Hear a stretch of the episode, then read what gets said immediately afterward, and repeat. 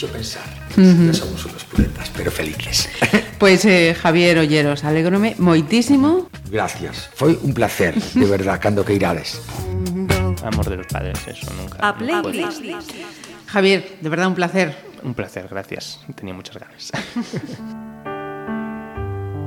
Non hai cancións de verde para dormir Non hai mistos para fundir Os pesadelos entre as sombras Que habitan as esquinas do xardín Están aquí Saludos. eh, hacía ya un tiempo que, que no teníamos a un compañero de profesión en este programa, así que hoy toca. Y mm, vamos a echarnos un farol con su permiso. Bienvenido, Eugenio Giraldez. ¿Qué tal? ¿Cómo estás, Marisa? Muchísimas gracias. Eh, bienvenido y te debíamos unas felicitaciones en, Ah. en, esta, en esta emisora públicamente por ese reconocimiento que te ha hecho amigos de, De Pontevedra. de Pontevedra. Mm, Gracias. Eh, ¿Qué tal fue aquella jornada? Bien, bien, bien, bien, bien. Entrañable, curiosa, es decir, te reencuentras con mucha gente, eh, se acerca mucha gente a, a saludarte. Y bien, resultó además muy agradable porque, claro, me, me acompañaron eh, personas muy allegadas a mí, mi mujer, mi hija, mi hermano, que vino con uno de mis eh, sobrinos. Luego vinieron unos eh, familiares de, que estaban aquí, de Uruguay. eh, unos primos, José y Matilde, y formamos una mesa muy curiosa. Y luego, además, nos, nos sentó la gente de Amigos de Pontevedra con, con Mari Carmen Martínez Castro y con su marido, con Mauro Lomba, que son una pareja absolutamente encantadora. Y ha nacido una amistad. Mira, Y sí, ha nacido una amistad entre nosotros, entre todos nosotros, que además, bueno, mi hermano no pudo venir, pero eh, José y Matilde vinieron. El otro día estuvimos aquí en, al ladito, en, en Villapilar, donde Mauro tiene el estudio de arquitectura y al mismo tiempo ese espacio de, para la creatividad ¿no? que ha montado y es una delicia. Además, que el propio Mauro te lo enseñe. Es espectacular. Ya es otro plus. Claro, porque de repente, imagínate, detrás de esa pared que tenemos ahí, de repente eso es una puerta corredera. Y dice, ¿y dónde meto yo, por ejemplo, eh, la escoba, el recogedor, esto y tal? En un espacio así tan diáfano, dices, pues, pues es verdad. ¿Y dónde lo guardan? Ahí estaba. Es decir, tiene detalles de esa eh, eh, creatividad, esa genialidad. Y ella es espectacular, ella es auténticamente espectacular. Entonces, bueno, volviendo al hilo de la pregunta. Bien, lo pasamos muy bien y sirvió para eh, descubrir una amistad y- e incluso un, un nuevo vino que envasan ellos en tierras asturianas. Pero de eso te hablo otro día. Va- vale, queda pendiente. vale. Mira, eh, vamos a comenzar mirando a tu, Mi a tu DNI. ¿Lo quieres físicamente? Te lo doy. No, no, me, No me hace fío perfectamente Claro, de lo que me digas. Lo traigo aquí, ¿eh? Nombre y, y apellidos. El nombre completo, que no lo uso nunca, pero el nombre completo es Eugenio José. Mira, Eugenio José Giraldez Villar, sí, sí, Eugenio José. No lo uso nunca, ¿no? Pero bueno, sí, es- ese es el nombre completo. Ahí lo tienes. eh, de- esto, es, esto es Rafa, eh, cuidado. Hijo eh, de, De Eugenio y Margarita. Eugenio y Margarita. Sí. O sea que ya no te pregunto por qué el nombre, lógicamente. Sí, lógicamente. Aparte que ya era, en mi caso, era tercera generación, porque mm, la madre de mi padre ya se llamaba Eugenia, Ajá. eh, que aún llegué a conocerla en, en vida, y yo era el tercero. eh, y, y, bueno, pues sí, eh, Cayo Eugenio, sí, sí, sí. Nacido en... Caracas, Venezuela. Sí, esta es una de las eh, de los exotismos, digamos, una de las rarezas de mi vida, ¿no? La gente me dice, ¿cómo en Caracas? Pues sí, sí, en Caracas, en Caracas, Venezuela. Mis padres emigraron. Eh, eran tiempos difíciles. Yo nazco en el 58 y mi padre hace. eh, me voy a adelantar a la siguiente pregunta. ¿Qué es tu padre? ¿Qué hace? Bueno, hizo Espera, espera. ¿Lo puedo decir? No, espero entonces. Va- va- vamos a esperar, sí, vamos a esperar. Eh, ¿Residente en Pontevedra desde hace cuántos años? Uf, 37 años. 37 años. 1981 me vine a vivir aquí. ¿Estado civil? Casado. Casado en segundas nupcias ya. O sea, yo me he casado ya dos veces. Y con Lourdes, eh, mi mujer, Lourdes Rodríguez Valverde y yo, vivimos juntos desde el 85, nos casamos en el 90. Llevamos 30 y, 33 años juntos, sí. Y de esos 33, quita los 5 que estuvimos en pecado, como dice el otro. pues 28 casados, 28 años casados. Eh, señalabas antes, hablabas de, de tu hermano. Sois Sí, dos hermanos. Solo dos, entonces. Javi y yo, Javier y yo, sí.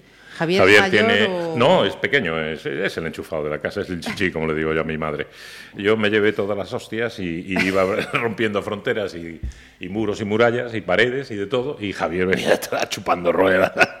Y comodísimo. Nos llevamos muy bien, cuatro años menos. Él vive en Madrid. Ajá. Él vive en Madrid, él se quedó en Madrid. O sea, que has ejercido total y absolutamente de hermano mayor, ¿no? Siempre, Abriendo- siempre, siempre, siempre, siempre, siempre. Lo que pasa es que, mm, claro, yo a los eh, diez y pocos, 19, 20, 19, 20 años, sí, en segundo de carrera, de segundo para tercero ya me ofrecen un trabajo periodístico en León.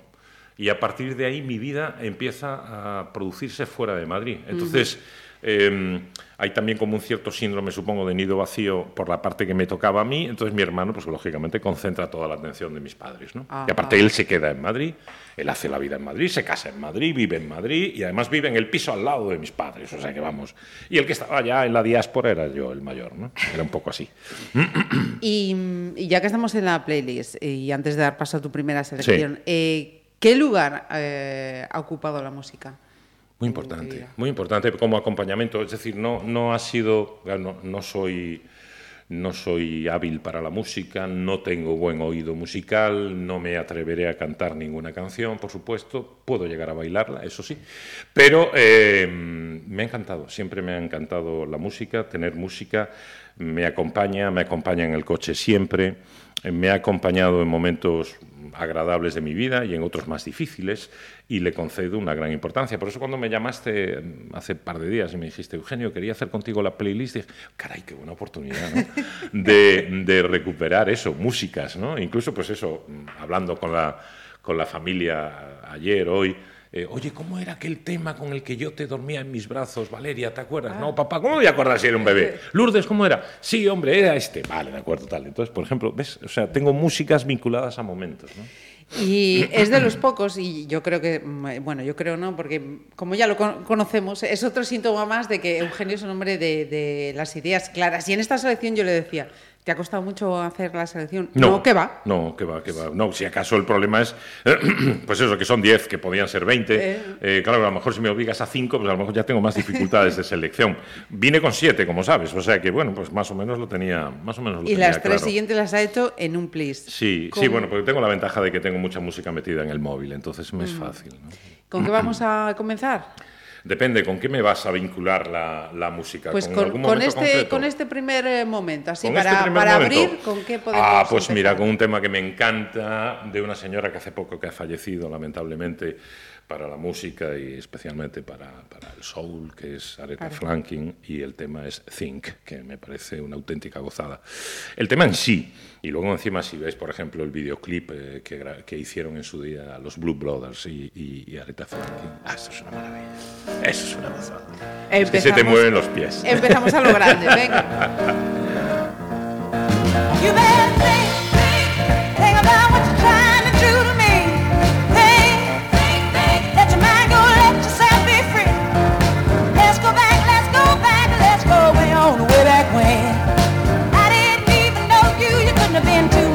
contains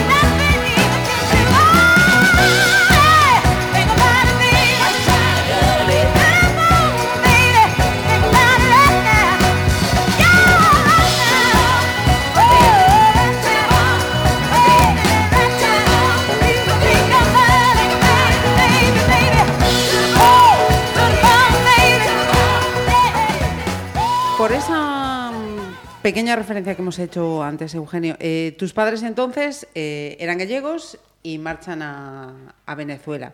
Eh, ¿A qué se dedicaron allí? Mi padre eh, estudió peritaje mercantil, que venía a ser como una suerte como de, de contabilidad, eh, que se daba en Vigo, en la escuela de peritaje mercantil, que existía Ajá. entonces. Hoy en día ya tiene otra denominación. Y mi madre también.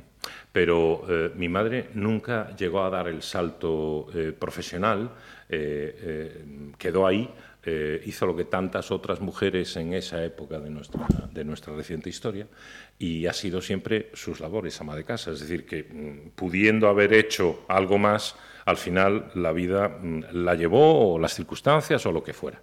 Eh, papá tiene que tomar la decisión de marchar fuera de España como habían hecho tres hermanos antes, en una familia de ocho hijos, eran ocho hermanos, eh, la familia de mi padre, tres varones ya se habían tenido que ir de España eh, porque estaban en la misma circunstancia, no encontraban, uno de ellos había hecho ingeniería industrial, otro, no me acuerdo, ingeniería cerámica, me parece, y pues uno de mis tíos estaba en Argentina, otro estaba en Colombia y otro estaba en Ecuador y le hablaron a papá de la posibilidad de que cruzara el charco también e intentara. Y en ese momento, eh, estamos hablando de los años 57, 56, 57, eh, Venezuela está en una excelente situación económica, en una calmada, a diferencia de lo que pasa hoy en día, situación política, era una democracia estable.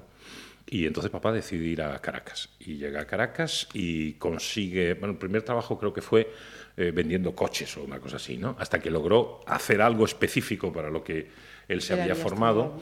Y concretamente consiguió un trabajo fenomenal del que vivimos muy bien y del que ahorró mucho dinero en una empresa americana que era Remington Rand Spear, que se dedicaba a eh, bueno, las incipientes computadoras, máquinas registradoras, cajas registradoras, en fin, tenía una línea, digamos, de, trabajo tal y estaban eh, estableciéndose eh, con base operativa en Caracas en toda, en toda la zona sur de Sudamérica. Y ahí consiguió papá un, trabajo que em, yo siempre le preguntaba, papá, ¿de qué trabajas? Entonces me decía, mira, el término inglés es controller, que es una especie como de, de- de gerente, ¿no? Una especie de no sé si una especie como de interventor o algo así, ¿no? Una suerte de estas. Bueno, la cosa es que era para lo que él se había preparado, lo que le gustaba, y bueno, y rápidamente pues eh, mm, se situó bien, empezó a ganar dinero y entonces eh, hizo una cosa eh, muy digna, que fue casarse por poderes con mi madre. Y cuando ya tenía el dinero suficiente ahorrado y ya habían hecho los preparativos, supongo que por mucha carta y llamadas telefónicas y estas cosas, se vino a Vigo y se casaron en, en Santiago de Vigo, en la, la iglesia esta que está en, en García Barbón. Y bueno, se casaron, hicieron las maletas y se volvieron a, a- a Venezuela, a Caracas. Y ahí a los nueve meses exactos, hemos hecho las cuentas, y a los nueve meses exactos nazco yo, el 9 de noviembre de 1958, en la clínica Santa Rosalía de un barrio que se llamaba Los Chaguaramos, en Toma. Caracas. sí. Eh, entiendo entonces que eran de Vigo, tus padres. Sí, los dos. Bueno, mamá nació en Orense, pero circunstancialmente, por una cuestión de que eh, su padre, que era dentista, eh, y, y su madre, la abuela Rosa, pues estaban en, en Orense eh, una temporada y mi abuela estaba ya muy embarazada y dio a luz en Orense. Pero se vinieron a, a vivir a Vigo, estaban en Vigo y vivieron en Vigo. De hecho, mis padres se conocieron, eran vecinos, vivían en la misma casa, uno en el primero otro en el segundo, en la calle Policarpo Sanz. Eran vecinos, eran vecinos, sí, en pleno centro de Vigo, sí, porque allí tenía mi, mi abuelo materno, tenía la clínica, la clínica dental, y eh, los papás de mi papá, pues eh, vivían allí, trabajaban, viví- me- tra- mi tío, mi abuelo Emilio, no me acuerdo en qué trabajaba, ya no lo conocí, pero bueno, vivían allí, se conocían de eso, sí, sí, sí. ¿Y, y qué, qué recuerdos tienes de esa infancia? allí En Caracas, Caracas. escasos, escasos. Piensa que me vine con siete años y pico. Entonces sí, tengo, mm, tengo imágenes así como, pues por ejemplo, de la avenida de Sabana Grande, eh, de la Plaza de las Delicias donde vivíamos. Mm, vivíamos en un último piso, lo que allí llaman un penthouse, un ático, ¿no? Lo que sería aquí, que era una gozada. Era tan grande que mm, eh, mi hermano cuando ya nació y podía más o menos participar del juego con mi padre y conmigo, te digo que nos llevamos cuatro años, yo tendría siete, mi hermano tres, lo poníamos de catcher, eh, vamos a ver, jugábamos a béisbol, que era un deporte que en Venezuela se jugaba mucho, ¿no? Y entonces mm, mm, mi padre lanzaba, era el pitcher, yo me ponía a batear y mi hermano se daba los pelotazos y estaba ahí de catcher. Y entonces jugábamos en el pasillo, para que tú te hagas una idea, pues, o sea, jugábamos en el pasillo y yo bateaba contra el fondo, contra el salón, era una gozada aquel piso. Y tengo así, recuerdos así más o menos... eh, ciscados, ¿no? aislados. Eh, recuerdo eh, el colegio al que iba, que era un kindergarten, ¿no? una cosa de estas, un jardín de infancia primero y luego que tenía un preescolar o un infantil, lo que fuera, el equivalente a lo que conocemos hoy en día y cosas así muy sueltas. No, no, no tengo grandes recuerdos. Y, y del momento en el que eh, deciden regresar, Sí. ¿te acuerdas? Sí, me acuerdo, me acuerdo del enorme lío de meter todas las pertenencias, los muebles eh, en los baúles, porque nos vinimos en barco, nos vinimos en transatlántico, en un transatlántico francés que hacía escala en Vigo, e iba camino de Southampton, era el Flandre. Y eh, recuerdo perfectamente aquellos baúles porque luego estuvieron en Madrid eh, un no sé cuánto tiempo hasta que por fin eh, mi madre ya eh, organizó la casa, empezó a, a- a sacar los muebles, vinieron los carpinteros, los eh, volvieron a montar y se llevaron los baúles, unos baúles... Pero como esta mesa, no te exagero, Marisa, como esta mesa de largos, Es de una anchos, de anchos y de altos. Eran, eran, eran metálicos, era una cosa tremenda. Eso lo recuerdo vivamente, además, vivísimamente, ¿no? Mis padres haciendo la casa y metiendo todo ahí, diciendo, ¿qué carajo vamos a hacer? ¿no? Y claro, luego en un barco. Lo del barco fue una gozada, ¿no? Porque, claro, de repente era un pitufo de siete y otro de tres en un barco con sus padres, ¿no? aquello una, una auténtica gozada. Pero recuerdo una noche que nos dejaron mis padres solos, a mi hermano y a mí, en el camarote y nos dijeron, portaos bien, que vamos a una cena con el capitán, la cena del capitán, me estamos invitados en la mesa del capitán y yo no sé por qué, mi hermano y yo, ¿qué carajo pasaría? No sé, habría mala mar o se nos cruzó la vena o lo que fuera. Empezamos a entrar en pánico los dos, a llorar como posesos. Menos mal que pasó por allí un, un camarero o alguien de la tripulación o lo que fuera, tuvieron que avisar a mis padres deprisa y corriendo y vinieron, desjodimos la cena, desjodimos claramente la cena. Y lo que recuerdo también es cuando llegamos a Vigo, un día típico de Vigo, de nuestra tierra. eh, estamos hablando de, llegamos en septiembre, um, un día de estos de niebla, no un septiembre tan espléndido como el que tenemos ahora, Ahora. que él era tremendo. Llegamos eh, con un día de mucha niebla, de bruma, mala mar, y fue cruzar Cies, empezar a, a entrar al puerto de Vigo y un mareo, una cosa tremenda. Brr. pero tremendo, tremendo, tremendo. Sí, Un esa- esa- recibimiento- esa- sí, esa, esa- es una imagen que tengo yo, sí. sí, sí. Eh, ¿Os instaláis en, en Vigo? No, provisionalmente, simplemente. Mi hermano y yo, mis padres ya inmediatamente, o sea, nos dejan en Vigo con mi abuela materna, con la abuela Rosa, y nos vamos a. Ellos se van a Madrid, mis padres se van a Madrid, porque papá tenía claro que eh, era Madrid donde él tenía que ir por su, por, su profesión, por, también por las ideas que traía. Papá en ese momento ya tenía claro que quería hacer algo, es decir, montar una empresa, y estaba dándole vueltas a varias posibilidades, entonces quería sondear el mercado y tal, y entonces Madrid era el sitio. Y se fueron para Madrid mamá y papá, y Javier y yo nos quedamos con la abuela Rosa. Y entonces nos metió en un colegio que había, mi abuela vivía en la calle, eh, bueno, de aquella el nombre franquista era Capitán Cortés, hoy se llama México, la calle México, muy cerquita de donde está el corte inglés.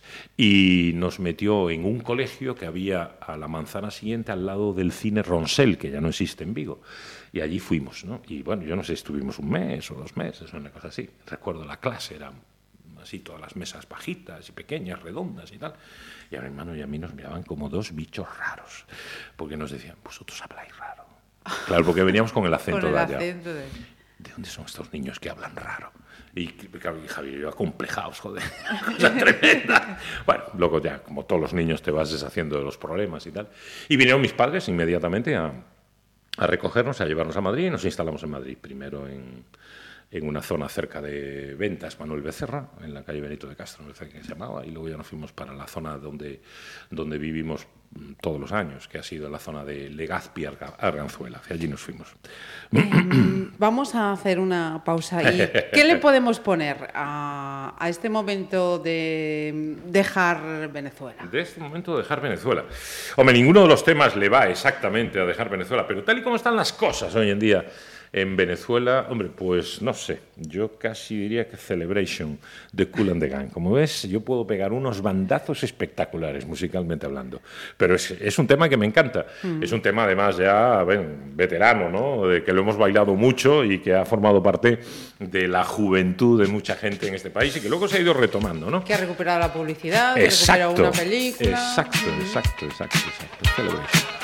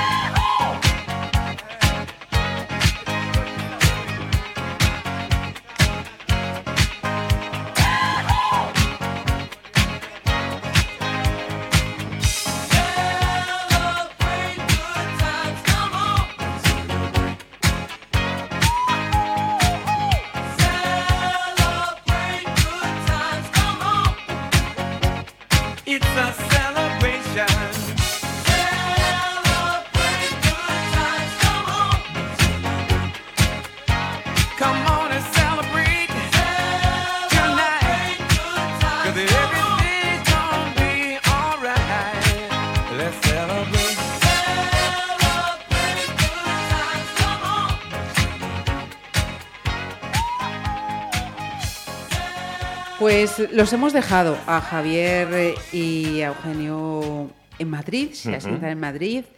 Eh, cuesta eh, volver porque eso, Caracas, luego ese breve lapso en Vigo, Sí. luego Madrid. No, no, no, no cuesta, no. Y aparte, eh, bien, muy bien. Eh, nosotros felizmente eh, fuimos niños de la calle. Quiero decir que vivimos una infancia y una adolescencia tanto en, en la zona de, de Manuel Becerra Ventas como luego en Jaime el Conquistador, Legazpi, Arganzuela.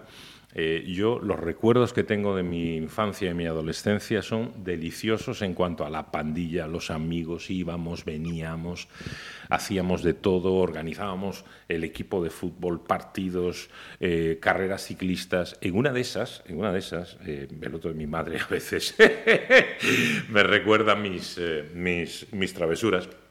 Dice, no veas tú la que me montaste, Eugenio, cuando te empeñaste con tu amigo Tony en veniros en bicicleta hasta Vigo. Pero bueno, de aquella lo que teníamos eran bicicletas de paseo, de aquellas BH, o sea, no estamos hablando de Y- bicis de y carrera. las bicis y las carreteras. Y las carreteras, evidentemente. Estamos hablando de los años 70 y una cosa así, ¿no? Entonces, bueno, estabais locos, estabais absolutamente eh, convencidos y ya teníais el tema medio planificado y tal. Chorradas de estas, quiero decir. Pero sí que nos íbamos. Nosotros nos agarrábamos las bicis y nos íbamos a una piscina a las afueras de donde vivíamos, hacia la zona de por la carretera de Andalucía, como yendo, yendo hacia el Cerro de los Ángeles. Había allí una, una piscina y allá nos íbamos eh, en pandilla, en grupo. Yo llevaba a mi hermano, mis, eh, mis amigos coetáneos llevaban a sus hermanos más pequeños coetáneos de mi hermano. Quiero decir que éramos un grupo bastante transversal, ¿no? Y, y- y bueno, muy bien, ¿no? Hasta que empezaron a aparecer las chicas. ¿no? Cuando empiezan a aparecer las chicas ya y empiezan así, en fin, las primeras eh, relaciones que ni siquiera noviazgos, ¿no? Pues entonces, bueno, aquello ya empezó a desestructurarse un poco. Y luego la universidad, que lógicamente nos fue, nos fue alejando y cada uno pues iba haciendo, iba haciendo su vida. Piensa que yo arranco en el 75, el año de Franco, el año que muere Franco, precisamente yo arranco mis estudios universitarios en la Universidad Complutense de Madrid, en la Facultad de Ciencias de la Información, en la rama de periodismo. Ah, Entonces antes a partir de ahí nos separamos. Os Sí, separáis. Y a día de hoy eh, todavía mantienes. eh, con algunos esas- muy esporádicamente, muy poco, muy poco. Alguna vez, alguno tiene venido, eh, nos hemos visto aquí, hemos coincidido, eh, pero muy poco. Es decir, no, no mantenemos una relación. No, no mantenemos una relación estable, estrecha o un círculo de amigos que nos reunamos con algún motivo. No, no. Has citado antes el béisbol. eh, acabas de citar la bici. Sí, ¿Qué más deportes practicaba? Fútbol, aquel fútbol, fútbol, fútbol, muchísimo fútbol. Yo eh, de aquella, eh, la verdad es que jugaba muy bien. Y, además, eh, sobre todo de portero. Entonces estuve, incluso estuve a prueba en el Atlético de Madrid. Lo que pasa es que hubo un momento determinado en que o, o iba por un lado o iba por donde tenía que ir y por donde creo que la vida eh, en fin, me ha dicho mm, con el tiempo que he debido de hacer algo bien cuando he decidido hacer el periodismo. Por tanto, mm, opté por mantener los estudios, pero jugaba mucho al fútbol. En el, digamos, del equipo del barrio, de los amigos, luego pasamos ya a, algunos a jugar en equipos federados, equipos de la zona, equipos del barrio, empiezas a jugar en ligas inferiores, etcétera, y luego ya empezando a trabajar eh, incluso pues en el equipo de fútbol sala de la empresa, eh, te metes luego en campeonatos y cuando, vení, cuando vine a Pontevedra a trabajar exactamente igual, es decir, eh, jugaba fútbol sala, llegué a jugar con la, con la selección provincial de fútbol sala y luego cuando eh, ya me cansé un poco del fútbol sala pasé a jugar el fútbol veteranos.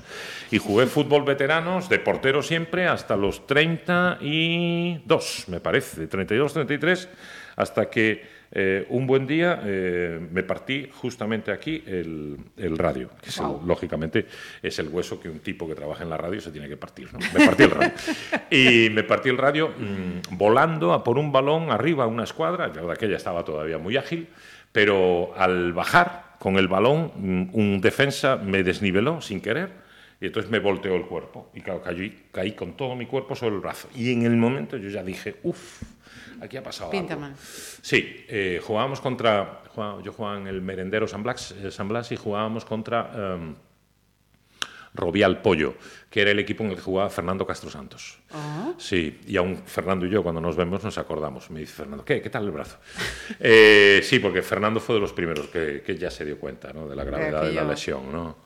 Y claro, pues es un coñazo porque estaba trabajando en Radio Pontevedra, claro, y de repente pues eh, me parece que tuve que estar un- uno o dos días en el hospital para, para la, para la reducción y para, para que me escayolaran y luego ir a trabajar escayolado y tal, era un coñazo. Entonces dije, bueno, mira, Eugenio, dejemos el fútbol, ¿no? Y aparte justo coincidió que eran carnavales. Y el día que es un sábado, el sábado del carnaval, el sábado del desfile, eh, yo le dije a Lourdes, Lu, eh, voy a jugar el partido, termino el partido, vengo y nos disfrazamos y ya salimos al desfile. Y bueno, Y no desfile, me llevan del campo de hierba de Ciudad Infantil Príncipe Felipe, que era donde jugábamos, al Domínguez. Y como en la cárcel, ¿no? ¿Puedo hacer una llamada, por favor? Vale. Te llamo a mi mujer y digo, Lu, cariño, ¿cómo estás? Bien. ¿Qué pasa, Eugenio? "Eh, no, es que verás, eh, casi que no vamos a salir disfrazados. ¿Qué? ¿Por, por qué? Vente al Domínguez. ¿Qué ha pasado? No, es que me he partido un brazo. Me cago, tío. Entonces ese día dije, mira, planes. deja el fútbol, deja el fútbol. Y ese día, curiosamente, no ese día exactamente, pero Colgaste las botas. A los pocos días colgué las botas y alguien me pasó unos palos de golf. Y ahí empieza mi otro gran amor, que es precisamente el golf. Está, está- está por ahí previsto Me que, imagino. que está Me imagino, me imagino. Venga, vamos a ponerle también otros minutitos musicales. Un poquito más de música. Bueno, vamos a ver, pues yo le pondría aquí Red Red Wine de UB40, ¿no? UB40. De V40, porque además eh, eh, tuve la suerte de ver el concierto en Pasarón y fue una gozada, una auténtica gozada. Fue de esos, cuando se hacían conciertos en Pasarón, ¿te acuerdas? Eso era una maravilla. Y eh, particularmente me lo pasé muy bien en este concierto, además eh, fui con Lourdes y con mis cuñadas y mis cuñados y íbamos en grupo, en un ambiente muy majo y lo- tengo un recuerdo muy lindo de, de aquel día y de este concierto y cada vez que oigo este tema, una de las cosas que me pasa por la cabeza es precisamente aquel día, aquella noche.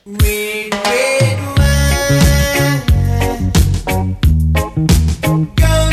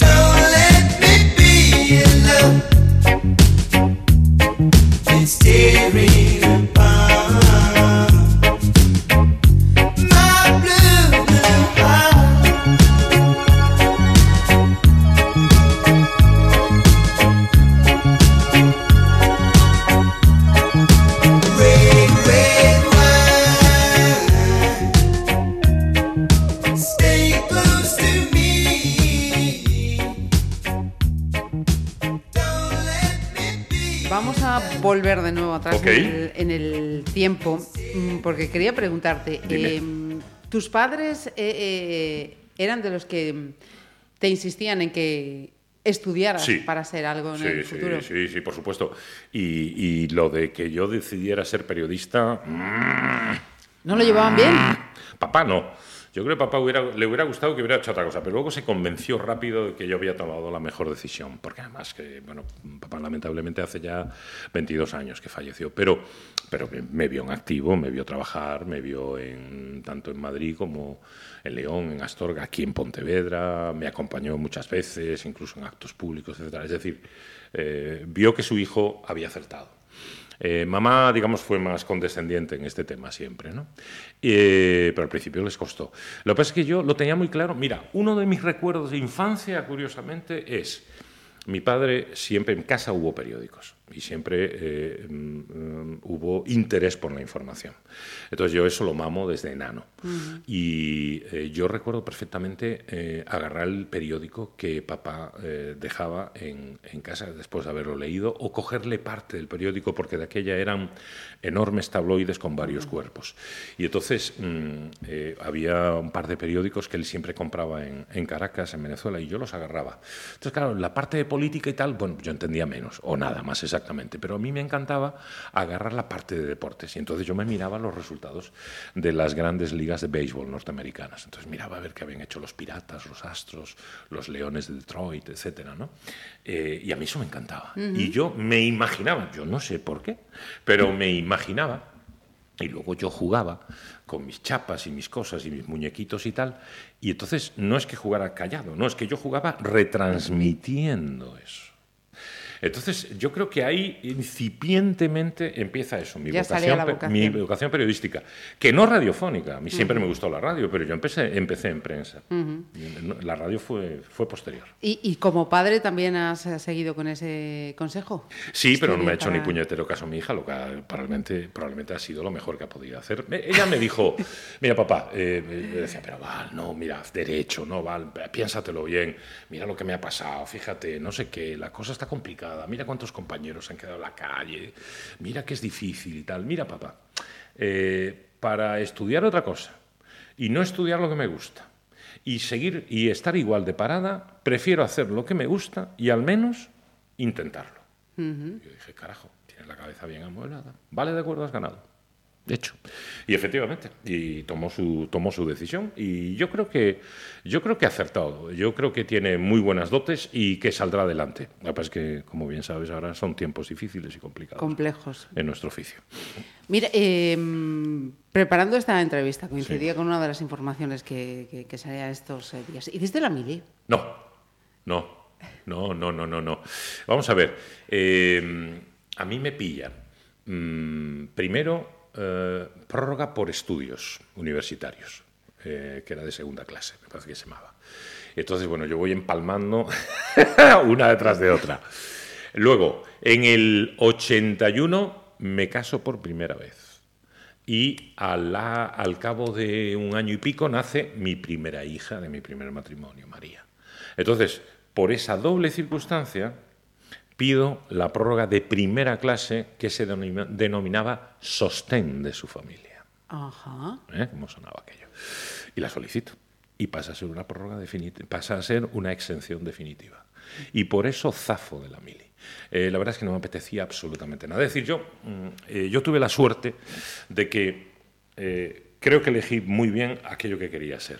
Tuve la suerte de que, estando haciendo la carrera en Madrid, empiezo a tener posibilidades de trabajar. Y empiezo a trabajar, eh, consigo en F, luego en la sección de reporteros del diario El Alcázar, porque yo he trabajado en El Alcázar. Eh, luego eh, me sale el trabajo de, de Astorga, de León, montamos un periódico desde cero, El Faro Astorgano, y, y trabajo y trabajo y trabajo, y al tiempo estoy arrastrando la carrera y voy cumpliendo con los plazos. Es decir, hago, hago segundo a caballo, del trabajo en Madrid, hago tercero a caballo del trabajo en Madrid y cuarto y quinto ya estoy en León, ya estoy en Astorga. Entonces, mm, voy solicitando eh, las prórrogas cuando ya me llaman a filas. Hay un momento determinado además que a mí me llaman a filas España y Venezuela. Claro, pues yo nazco en. Caracas. Y yo para los venezolanos, mientras no les diga lo contrario, soy venezolano. Entonces un día me llega a casa de Madrid una carta de la embajada que el gobierno de Venezuela me llama filas. Y yo me cago en la puñeta colorada. O sea, ya tenía un problema con España y ahora otra con Venezuela. Entonces me voy a la embajada y digo, oiga, pero ¿esto cómo es? Pues usted tiene que hacer el servicio militar. Pero es que esto es aquí. Pues entonces lo hace por, no sé cómo se llama, consulares. ¿no? O sea, que lo haces a distancia. Digo, pero es que estoy con España igual. Y para los españoles yo soy español. Ah, no hay tratado de nacionalidad. De aquella no. Entonces, pues usted tiene que decidir. Bueno, pues tras un debate familiar intenso, tomamos la decisión más lógica. Yo me quedo en España, voy a quedarme en España, voy a trabajar en España. Yo, por tanto, me quedo con la nacionalidad española. Voy a la embajada y renuncio a la, a la nacionalidad venezolana. Pero vamos, que estuve a esto, ¿eh? Estuve a esto de tener que hacer también la mili para los venezolanos. Sí, sí, sí, sí. sí, sí. Mira tú, ¿dónde sale, Mira tú dónde por sale otra anécdota? A mí no, no me pilla la objeción de conciencia, es posterior. Mm, es posterior. Es posterior, es posterior, sí, sí. Yo vivo como periodista el momento en el que el gobierno de Aznar se carga la mili, precisamente, porque ya estoy trabajando aquí, además. sí, sí, sí, sí. Eh, venga, otra pausita. Otra pausita, otro tema. Mm, mm, mm, mm. Tú Hombre, seleccionas. Lifted, de Lighthouse Family. Ajá. ¿Te gusta?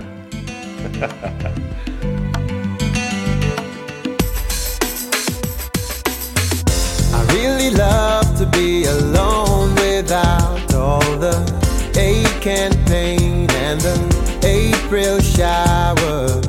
But it ain't long before I long for you like a ray of hope coming through the blue. When it all gets darker, then the whole thing falls apart, I guess. It doesn't really matter about the rain, cause we'll get through it anyway.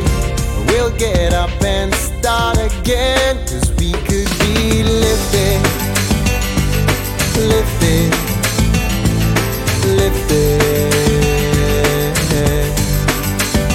We could be lifted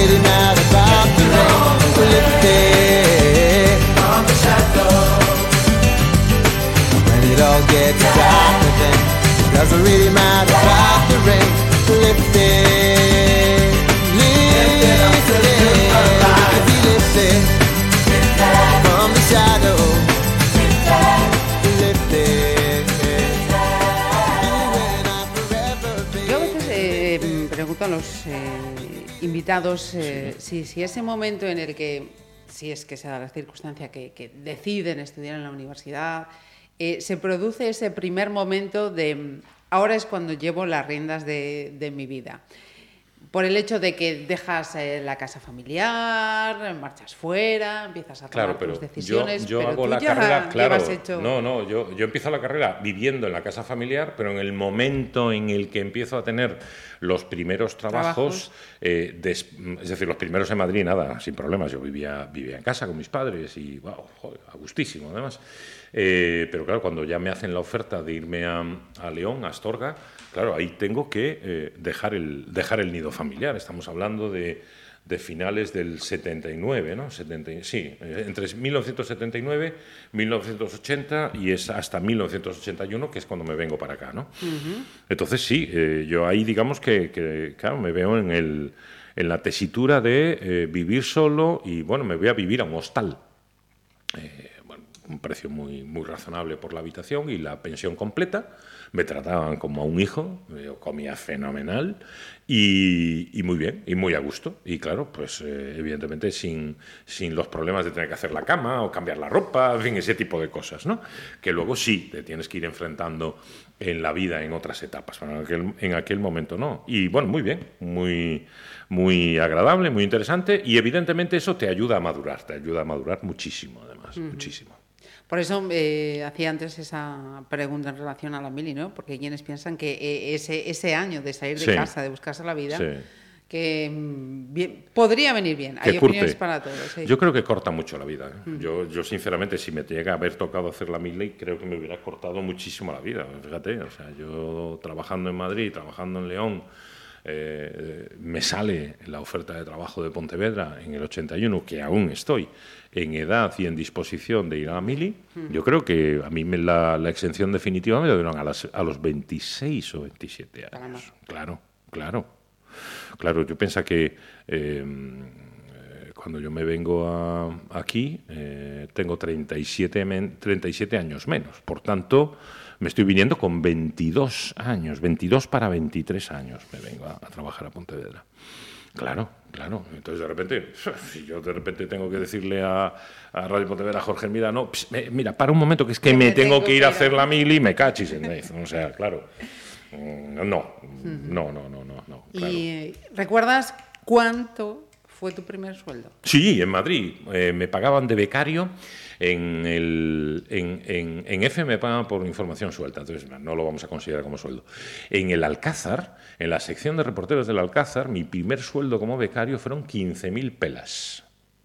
Y mi segundo sueldo, porque eh, la verdad es que lo hacíamos muy bien y era un grupo de gente muy joven y nos lo currábamos muy bien, a nosotros como éramos jóvenes eh, eh, medianamente preparados como los Haas estos, ¿no? Eh, y, y potencialmente rojos o muy rojos, no nos dejaban tocar política. Hacían muy bien.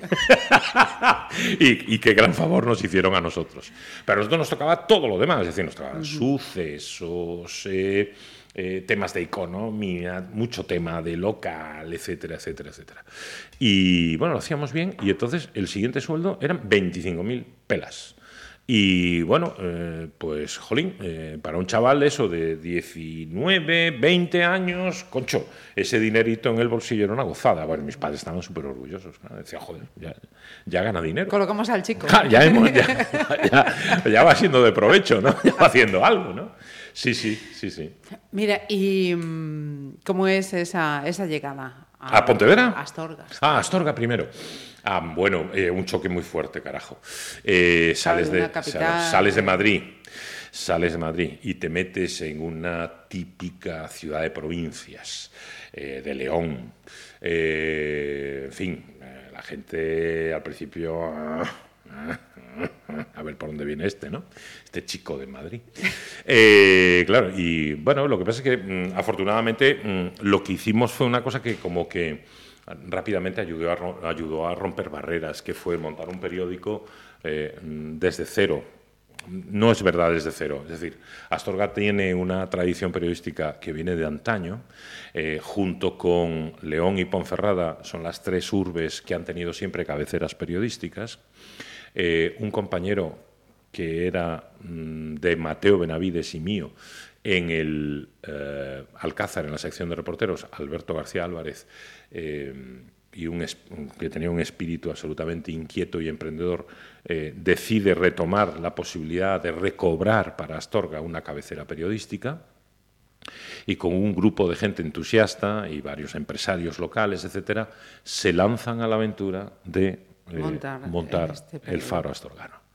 Y entonces eh, reclutan a dos jóvenes periodistas, uno de ellos con vínculos con León, como Mateo Benavides, que es de un pueblo de al lado, La Bañeza, y otro que ni puta idea, pero que bueno, algo debieron de Ay. ver en mí.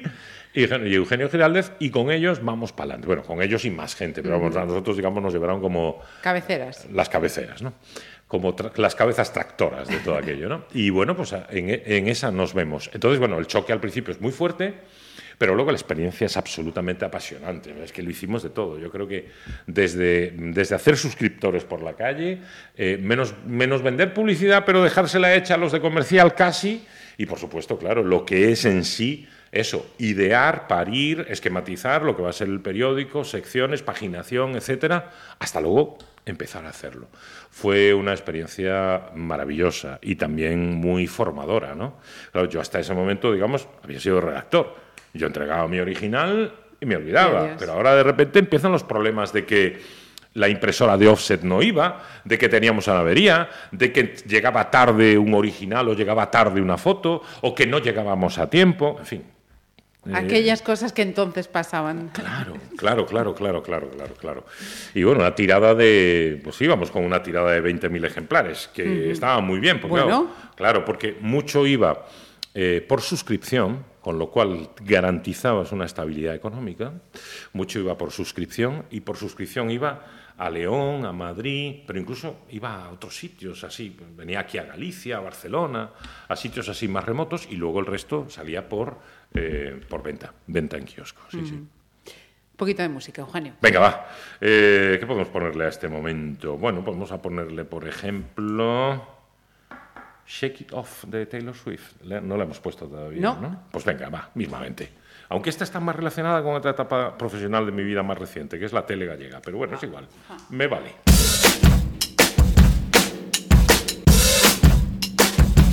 I stay out too late. Got nothing in my brain.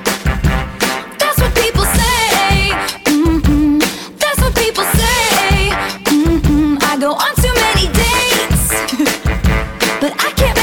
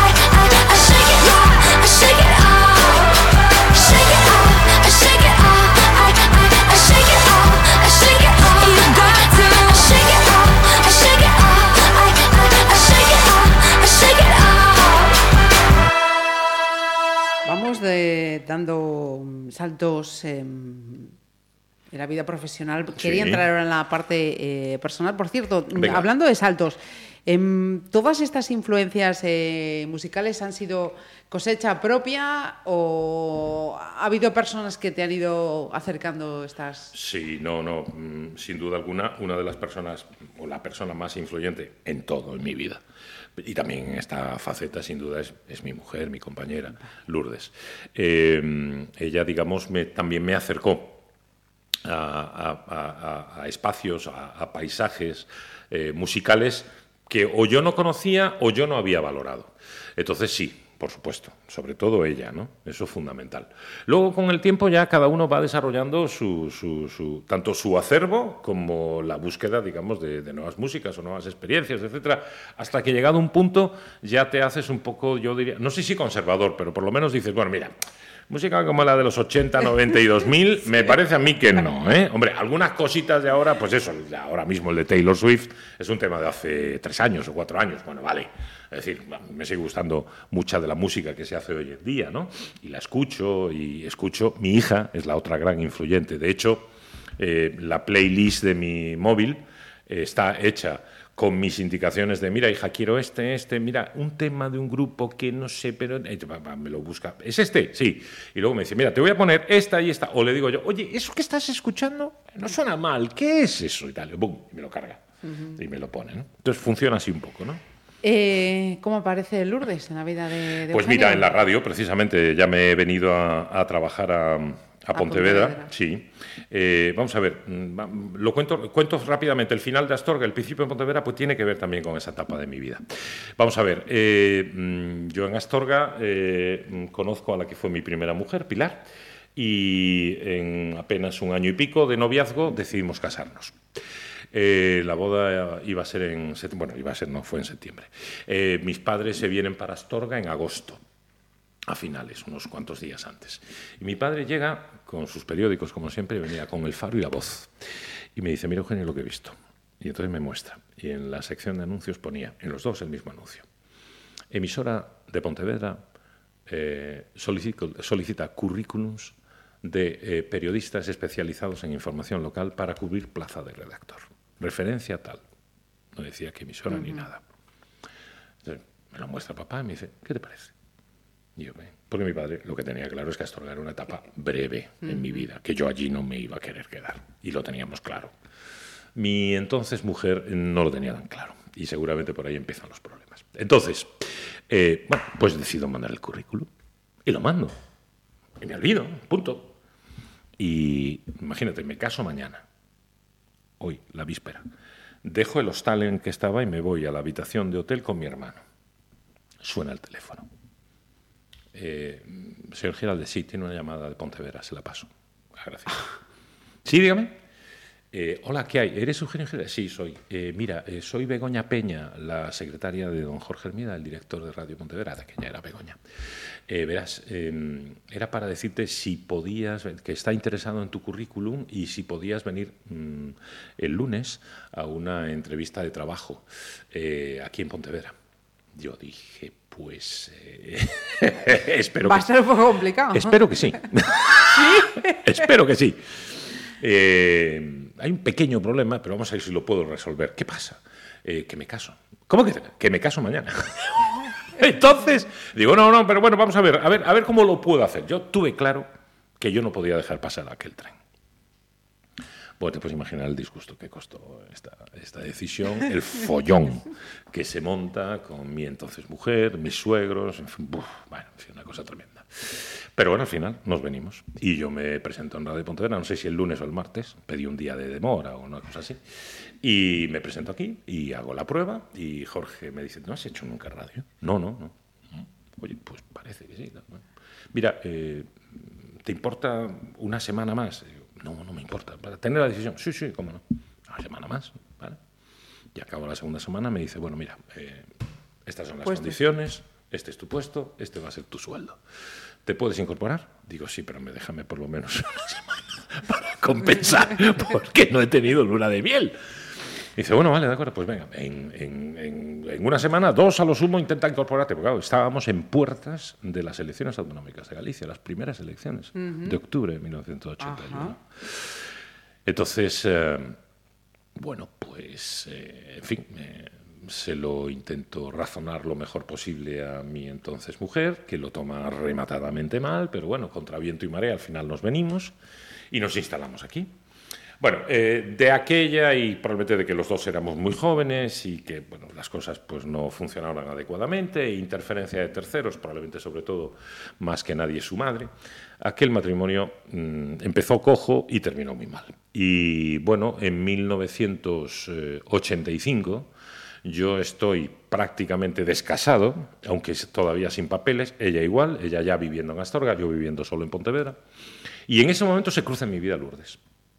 Eh, Lourdes eh, viene a la emisora a hacer eh, a- a- de aquella los mm, en 40 en, lo- en FM había pinchas había Sí. disjockeys vale y entonces Lu entra a hacer concretamente la franja de la noche el programa de la noche que era de 12 de la noche a 3 de la madrugada y bueno, tiene una voz preciosa y además con ese acento así uruguayo, pues todavía más.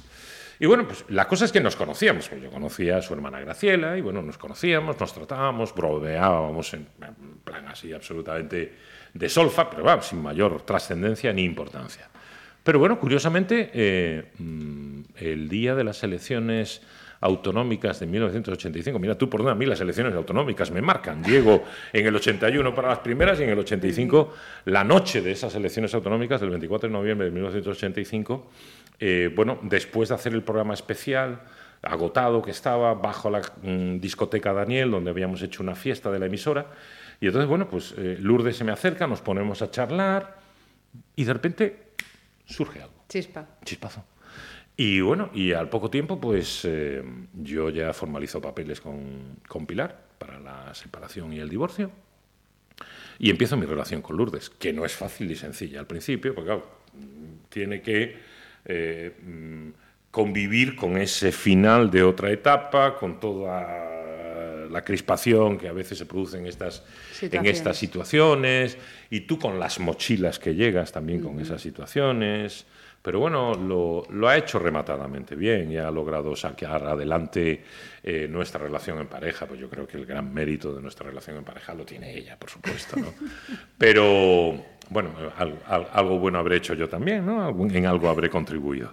Entonces, mm, eh, ahí Así es como digamos, os conocéis ahí y- es como nos conocemos y cómo se produce, digamos, ese, ese vínculo, ¿no? ese, ese giro. Y hay un tema, especialmente, Bien. Hay, hay un tema, que yo sé que me lo vas a preguntar, Ahora me mismo. adelanto. Hay un tema que yo lo puse el primero porque además para mí es de todos el que tiene, digamos, el, el- el mayor valor, la mayor carga sentimental, junto con otro con el que dormía mi hija, pero cuando toque eso ya te lo cuento. Eh, When Your Heart is Weak, no sé si lo habré pronunciado Cook correctamente. Robin. Cook Robin, correcto. Cuando tu corazón está débil.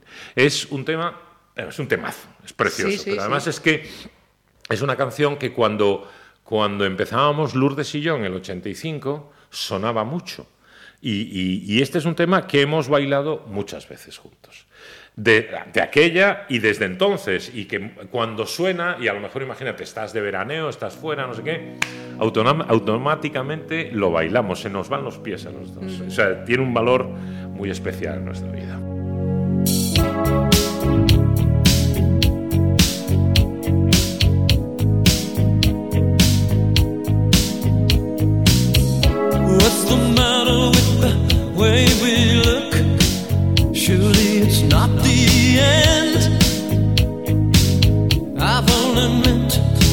Make my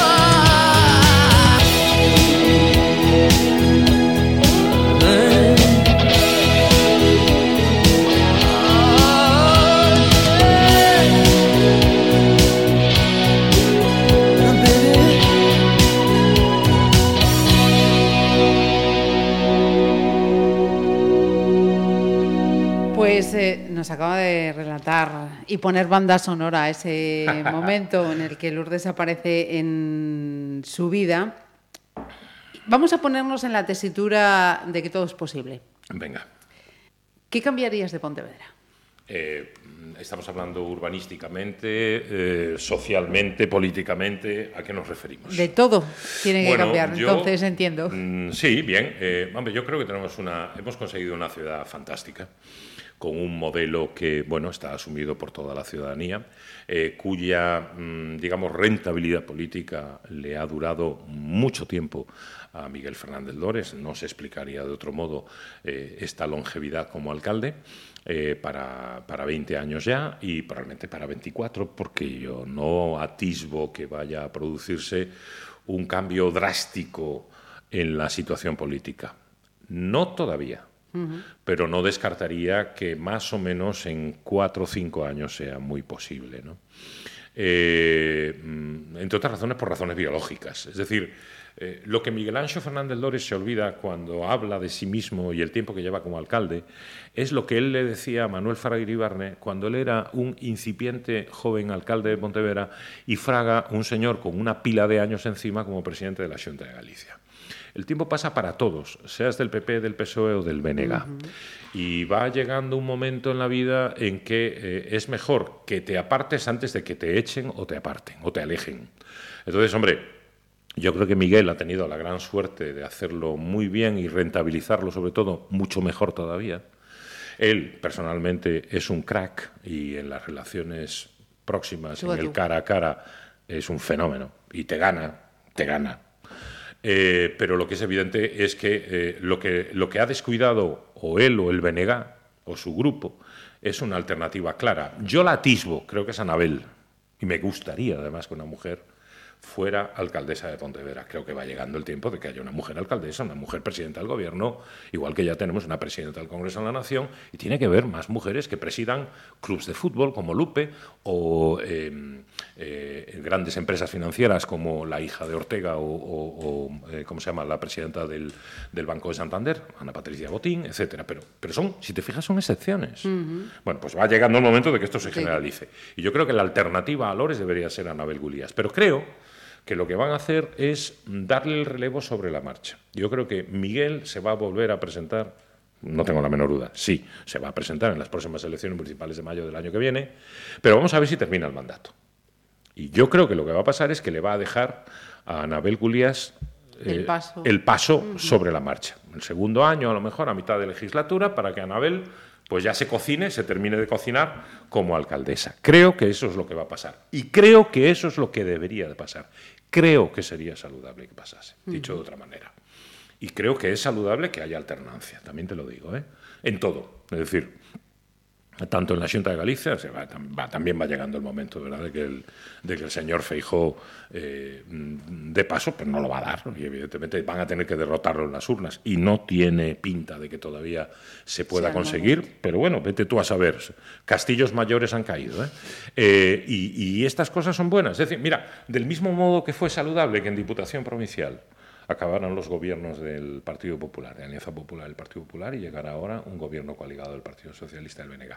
Y esto no es ser de izquierdas ni de derechas, es creer en la democracia y creer en la alternancia y creer en la posibilidad de que hay alternativas y que no eres eh, único e imposible de repetir y de clonar y que hay gente que puede llegar a hacerlo al menos igual de bien. En eso, es decir, en eso creo y a mí eso me parece muy importante. Con respecto a la política, con respecto a la ciudad, hombre, eh, yo creo que las cosas van atinadamente, pero que hay aspectos que son mejorables. Ellos lo saben y lo están intentando, pero probablemente otra perspectiva ayudaría a darle un reenfoque a otras cuestiones o a poner en valor otras cuestiones. ¿no? Yo cuando le digo a Rafa lo de mm, a Rafa Domínguez lo de que hay que llenar la, empresa, la, la- La ciudad, la ciudad de industrias mm, no me cuadra porque realmente todos sabemos que na- no va a haber nunca un desarrollo, un polo industrial en Pontevedra, pero a lo mejor sí cabe la posibilidad de hacer apuestas, pues esto que lanzó el otro día del clúster de la cultura, en fin, no sé, hay que darle una vuelta de rosca a las cosas. Y luego tengo mucha expectación por ver qué pasa finalmente con el plan de compost, porque yo creo que pudiendo ser el segundo gran caballo victorioso a cuyos lomos se subiera Miguel Fernández Lores para seguir ganando elecciones, se puede volver en su contra. O cuando menos algo no está saliendo del todo bien cuando está tan atascadito el desarrollo del mismo.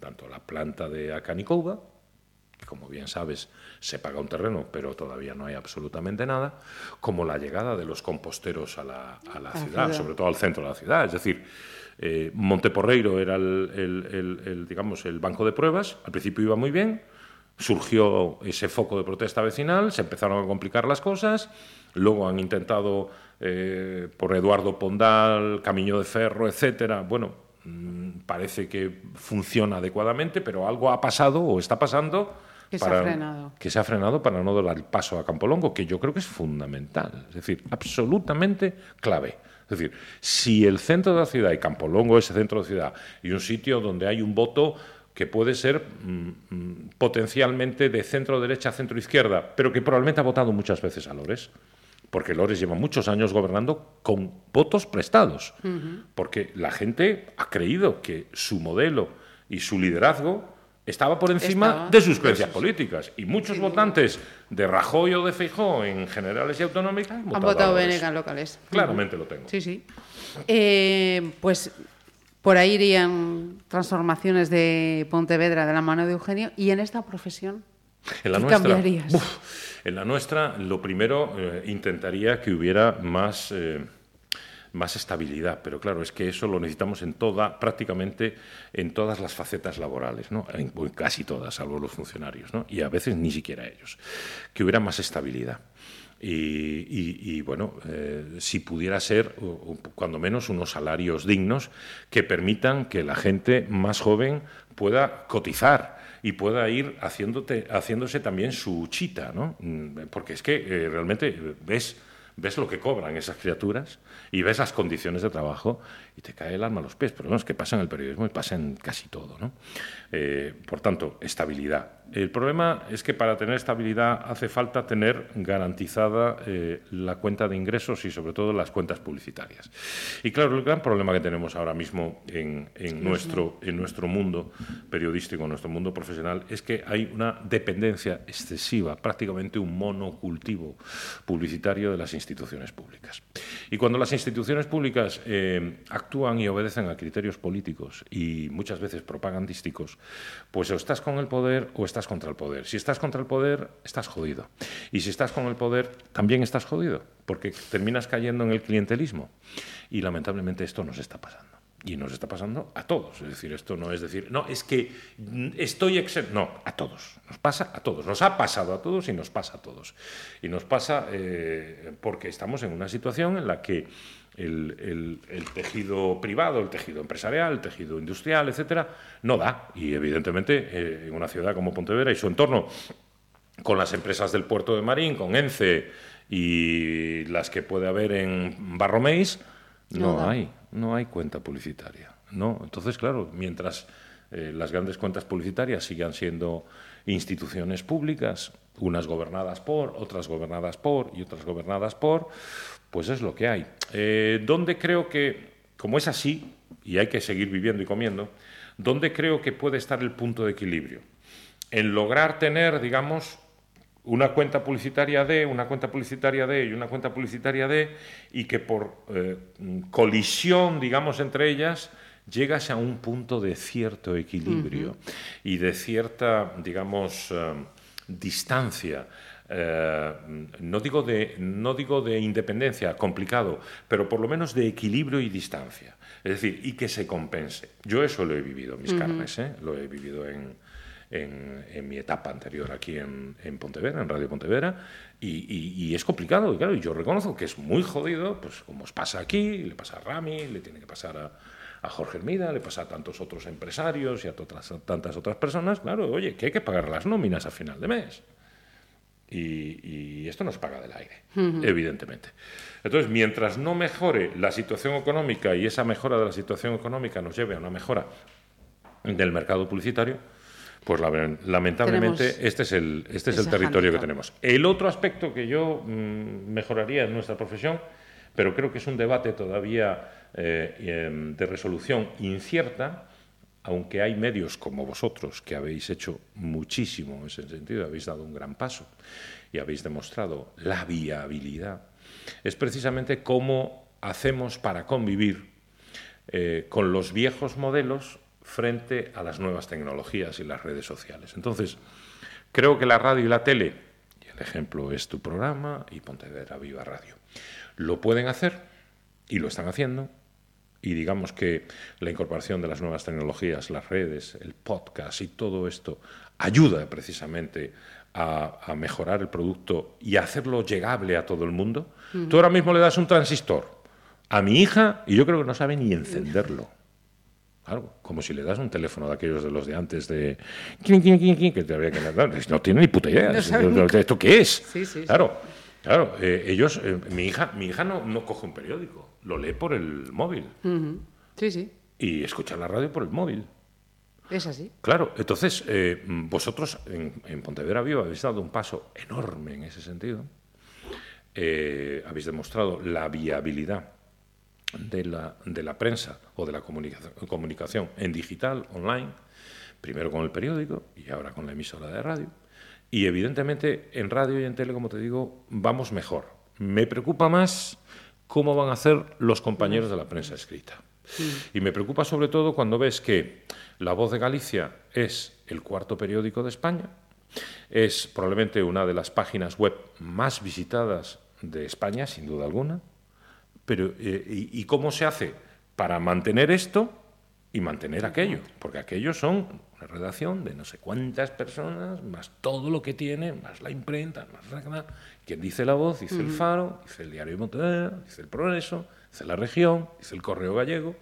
Claro, y, y- y digo estos nombres y automáticamente estamos pensando, bueno, ¿y cuántos seres han tenido ya que soportar los compañeros? ¿Y cuántos despidos ha habido? ¿Y qué más va a pasar? Y eso es lo que me preocupa, me preocupa muchísimo. ¿Cómo vamos a resolver eso? Dime. Y hablando de preocupaciones, y mencionabas ese ejemplo con, con tu hija. Sí. Em, los mayores eh, miedos que han podido llegar a la vida de Eugenio eh, llegaron con la paternidad. Sí, claro. Sí, sí, sí, por supuesto. Claro, eh, sobre todo cuando, cuando eh, tu hija ya tiene 17, 18, empieza a salir y esas cosas, ¿Sí? ¿no? Sí, claro, hombre, por supuesto. Sí, sí, sí, sí, sí, en el entiéndeme, en el buen sentido, ¿no? En el sentido de decir, toma hija, toma las llaves. Por supuesto, no, no quiero saber, no me cuentes, es mayor de edad, punto final. Eh, pero bueno, lo típico de no vengas sola, si puedes evitarlo, por favor. O si hay algún problema, llámame. Eh, o lo típico de repente que nos vamos a la cama, Lu y yo, nos dormimos, y de repente uno de los dos, pues a lo mejor se, se- se- se despierta a las dos, a las tres, y, y de repente eh, le tiras así la mano a, a- a tu compañera y dices, Lourdes, llegó Valeria. Oye, pues no la he oído, me cago en diez, espérate que voy a levantarme. Vas para allá. Mi hija tiene una costumbre y es que mm, duerme con la tele encendida. Ajá. Sí, sí, desde siempre. Se ve que le hace compañía o, o para, yo qué sé, por miedos infantiles. Yo no sé, no tengo ni idea, pero siempre lo Te lo así. puedo explicar, ¿eh? Sí, ¿no? Sí. Vale. Pues duerme con la tele encendida. Entonces yo cuando llego a la habitación de Val y ya veo el reflejo de la tele encendida, ya me quedo tranquilo, ya sé que ha llegado. No, no, no le pregunto ni nada por el estilo. Por sí, una etapa en que sí, lógicamente. Hoy en día ya no, es una mujer hecha y derecha, de 22 años, de la que me siento muy, muy, muy orgulloso. Y bueno, puedo tener los miedos típicos que cualquier padre eh, puede tener con respecto a pues que le vaya bien, que, que triunfe, que estabilice la vida, que, que acierte en sus relaciones de pareja, en fin, esas cosas. ¿no? Pero bueno, más allá de eso, no. Pues creo que ahora sí que sabemos qué canción toca, ¿no? Bueno, hay dos con las que dormía mi hija en el colo eh, cuando era pequeña. Como hemos puesto casi todo en, en- en inglés, vamos a poner una, una canción en castellano, si te parece, de Rosana, la canaria Ajá. Rosana, que es A Fuego Lento. Con ella, eh, con esta canción y con mi hija en brazos, la imagen que me viene es tanto Lourdes como yo, que nos turnábamos por casa en el salón. Venga, vaya, porque al principio la puñetera para dormir era un coñazo, ¿eh? pero un auténtico coñazo. Entonces, la dormíamos con este tema o con otro de Take That, que eran dos, Ah. eran, sí, en una columna de estas de sonido, Sí. en, el, en, lo- en la chisma, en la pletina de los CDs, vamos metiendo. Y entonces, bueno, pues que al final este y el de Take That eran, Eran con los los que que, garantizábamos que se iba a dormir Valeria. Pues venga, pa'lante. Yo que lo rayamos de tanto. A fuego lento tu mirada, a fuego lento tu nada. Vamos fraguando esta locura con la fuerza de los vientos y el calor de la ternura. Sigue el camino del cortejo. Fuego lento, fuego viejo. Sigue avivando nuestra llama con todo lo que te quiero y lo mucho que me amas. A fuego lento me haces agua, contigo tengo el alma enamorada. Me llenas, me vacías, me desarmas. Ay, ay, ay, amor, cuando me amas. A fuego lento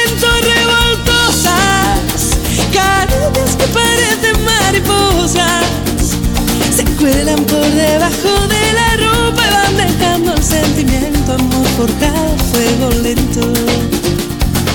A fuego lento en mi cintura, a fuego lento y con mesura.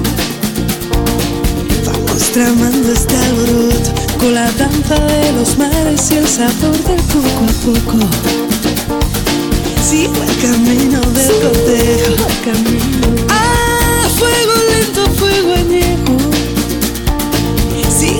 Avivando nuestra llama. Tantos días como sueños, tantos sueños que no acaban. Fuego lento me haces agua. Contigo tengo el alma enamorada. Me llenas, me vacías.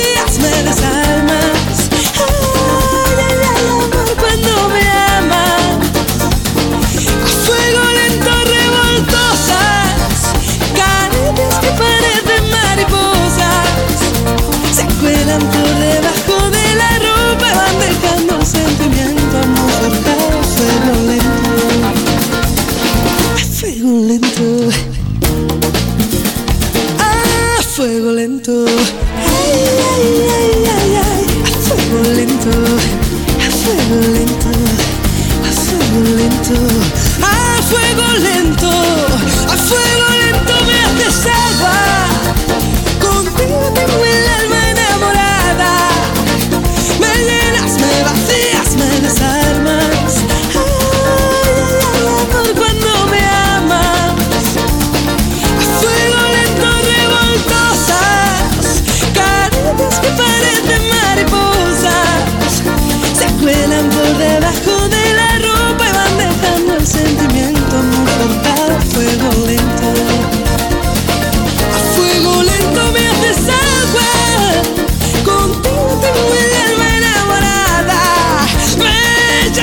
me vacías, me desarmas.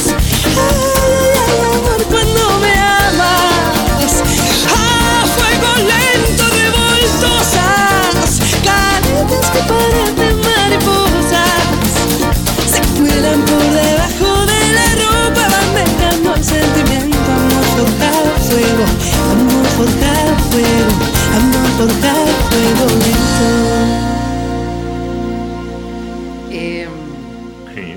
¿qué, ti- qué tiene el golf que tiene tan enganchado? Uf, el golf es droga dura. Y la gente que lo la gente que lo prueba y le gusta, pues no a todo el mundo le gusta y bueno, entonces es entendible que quien lo haya hecho y no le haya gustado no entienda para nada lo que estoy diciendo, pero la mayoría si entre la audiencia hay, como me consta que hay gente que juega al golf o le gusta el golf, sabe a lo que me estoy refiriendo. Vamos a ver, el golf es como la vida. Y además, el golf te enseña cómo son las personas en la vida. Tú ves rápidamente al tramposo, ves al honesto, ves al subidito, ves al que desprende tontería, transpira gilipollez y pijerío por todas partes. Lo ves todo, es decir, es, es como un cristal. Eh, lo que tiene el golf es que es un, un- un deporte y un juego al mismo tiempo, porque el factor aza- azar interviene. Claro, tú puedes pegar una bola muy buena y de repente pega en una hojita de una rama eh, de un eucalipto o en, en- en, eh, en- una, en una faisca y de repente en lugar de ir en aquella dirección bota mal y va para la otra y se te mete en el agua. Claro, te- tú en ese momento bajas el, salta- el santoral entero y parte del siguiente, ¿no? Pero claro, luego dices, bueno, es que hay una componente de azar. Hoy tocó, tocó, ¿qué le vas a hacer? El golf lo que tiene es que te enfrentas a ti mismo y al campo. Eh, no tiene tanta importancia. A veces sí se juegan modalidades en las que eh, juegas contra otro u otros, que puedes jugar por equipos, etc. Pero normalmente tú juegas contra ti mismo y contra el campo. Entonces está muy bien, porque tiene ese componente de reto, de intentar mejorar, de intentar hacerlo bien, y normalmente casi siempre no lo logras, y entonces te humilla y te pone en tu sitio. Y, y te baja los humos. Eh, sobre todo cuando, imagínate, pues yo qué sé, pues eh, ayer, por ejemplo, anteayer cuando me llamaste, pues no iba jugando bien. Y ayer jugué, sí. ¿Jugué mejor? Sí, jugué mejor. Si hoy fuera por la tarde, que no sé si me dará tiempo, tengo que grabar la tele también y tal, eh, si pudiera y puedo subir esta tarde, iré pensando, voy a intentar mejorar lo de ayer. Y seguramente volveré con el rabo entre las piernas y las orejas gachas diciendo, joder, una vez más no he sido capaz. Suele pasar. Es así. Es un, es un deporte que te exige eh, muchísima concentración. Esa es una parte muy difícil porque a veces eh, las partidas son muy largas y, y en lugar de durar tres horas y media, que es lo deseable, llegan hasta cinco horas y difícilmente haya, salvo Rafa Nadal, alguien en el mundo capaz, Capaz de mantener un- la concentración durante cinco horas. Aunque sea eh, detrás de una bolita y con un palito, ¿no? como dicen así en plan peyorativo del golf, que es mucho más que eso. Pero bueno, entonces esa parte es muy difícil. Y luego tienes esa otra de, mantenerte, de controlar tus emociones, controlar tus cabreos, controlar tus alegrías. Hoy te alegras, o ahora te alegras, porque te ha salido un golpazo y ya lo has metido, no sé qué, esto, lo otro, y a la, la vuelta a la esquina, en el hoyo siguiente, de repente, pues ya te digo, bota mal y va al agua. Coño, pues tienes que dropar y con penalidad. Y de repente lo que podía ser un par se convierte en un triple bogey. Y te cagas en los filisteos, claro que sí, pero es que es así, es que es el golf, porque es la vida, es exactamente igual. Y ya que estamos con el tema de golf, Hmm. ¿por qué causa volverías a aparecer desnudo en un calendario? bueno, por una causa benéfica como aquella. Eh, eso fue, eso fue eh, con una pandilla de, de amigos que jugamos al golf. una peña, el 4x4 más 4, eh, porque son 16, ¿no? Por ahí viene, bueno, 20 mejor dicho, 4x4, 16 más 4, 20. Y yo soy precisamente de los más 4, yo fui de los que entró últimos, ¿no? Entonces, uno del grupo, Alex Cels concretamente, con otra gente de la Asociación Experta de Cambados, en el año que hicimos el calendario, bueno, estaban preparando el calendario, le pidieron a varios clubs de la, de la zona de Cambados y Arousa, Salnés, que eh, hicieran un calendario y de aquella pues estaba de moda lo de eh, eh, posar en pelotas pero sin mostrarlo todo. ¿no? Entonces, eh, bueno, pues en el calendario si te fijas hay mm, diversos equipos, está el Schuben de, de baloncesto, está, está mucha más gente, ¿no? Y uno de ellos somos nosotros, que curiosamente somos los más atípicos, porque claro, en el grupo estamos, entre otros, aparte del que suscribe, Emilio Cores, secretario de la Cámara de Comercio de Vilagarcía en ese momento y ahora secretario de las Cámaras de Comercio Unificadas de Pontevedra, Vilagarcía y Vigo. Eh, Juan Vázquez Gancedo, gerente de la cooperativa Martín Kodax. Eh, Miguel Ángel Garriga Villanueva, eh, gerente del campo de golf de Meis. Eh, Moncho Durán, capitán de la Marina Mercante y profesor de la Escuela Náutico-Pesquera de Vigo. Eh, ¿Y quién más estaba? Pero supongo que el propio Alex y no sé si alguno más. Quiero decir que éramos media docena que todos teníamos un poco que perder, todos, estábamos arriesgando, ¿no? Y bueno, pues lo hicimos así, mm, en, plan de decir, bueno, oye, pues venga, nos pidieron, ¿no? Nos dijeron, oye, ¿por qué no lo hacéis también vosotros? Joder, pues que... pues, pues que, joder, es que los chavales del Shuen, coño. Que no, que no, que no. Que no importa que haya un poquito de tripitas y tal. Pues. Adiante. Allí nos vinimos, a- nos vinimos arriba. Y entonces fue muy divertido porque mm, la foto se hizo como a las 9 de la noche aproximadamente, en verano, En claro, verano. aprovechando la, la- La luz. la luz, la largura del día. Y lo hicimos en el punto, digamos, más alejado de posibles miradas, de desde la casa club, desde la cafetería o desde los vestuarios, en el green del hoyo 2 eh, de- del campo de golf de Meis, del campo público de Monte Castrobe. Es un par 5, está allá arriba del todo, cerca precisamente de donde está la antena ¿no? del, del, grupo, del grupo de emisora Radio Pontevedra. Y, y bueno, ya llegamos allí, todos pues, llegamos en, en- en Bermudas y tal, y dice el fotógrafo, la ayudante y no sé cuánta gente más. Bueno, pues ahora Es el momento. ese momento, ese momento fue la. Digo, "Ostras, venga, va. Esto va en serio. Y nada, pues así nos, no- nos, nos despelotamos todos y entonces, bueno, pues eh, mm, eh, el, fotógrafo quiso hacer una composición con cada una de las fotos, cada uno de los clubs, de lo que era, ¿no? Pues los chicos del Schuben están, pues eso, con pelotas de baloncesto, no sé qué, esto, y nosotros, palos de golf, un buggy, eh, la bandera, me parece la bandera de un hoyo, hay uno de ellos que está con la bandera de un hoyo, y entonces yo estoy con la cacha, o sea, yo estoy de perfil con la cacha apoyada, una de las cachas apoyadas en el, en el buggy, y eso sí, me dejé las gafas de sol. Pero no me las dejé por, por, por, eh, por ocultar mi identidad, porque bueno, me, me parece que eh, es demasiado evidente, ¿no? Eh, solo con, con la cara y la sonrisa.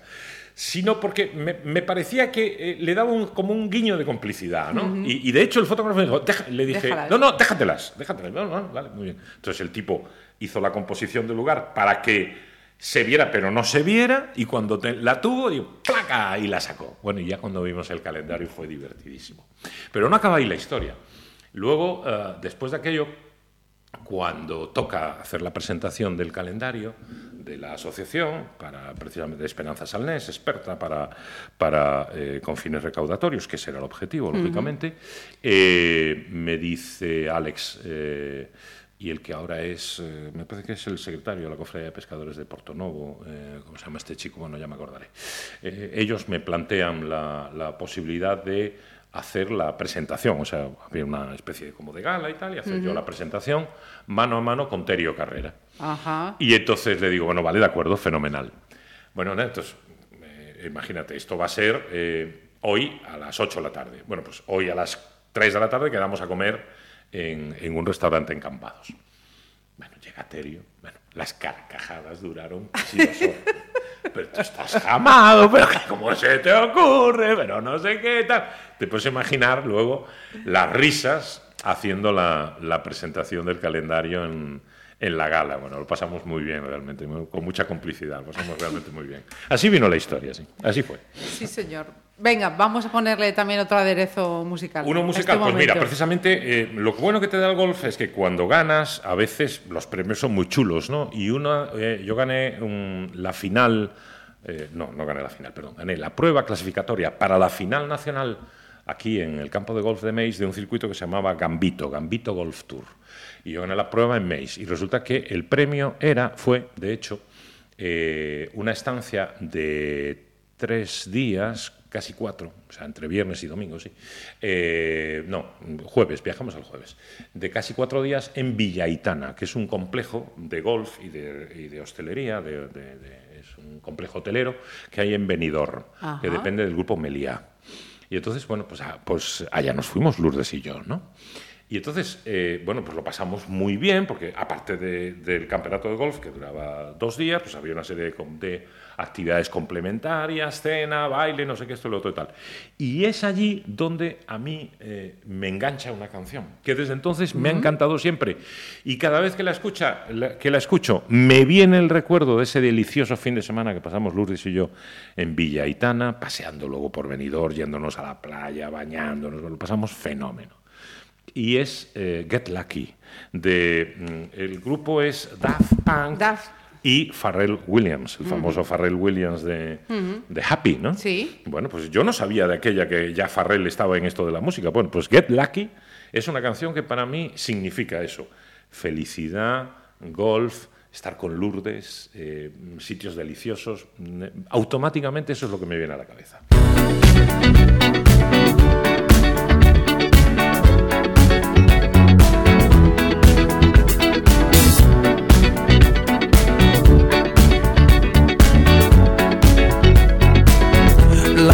Legend of the phoenix.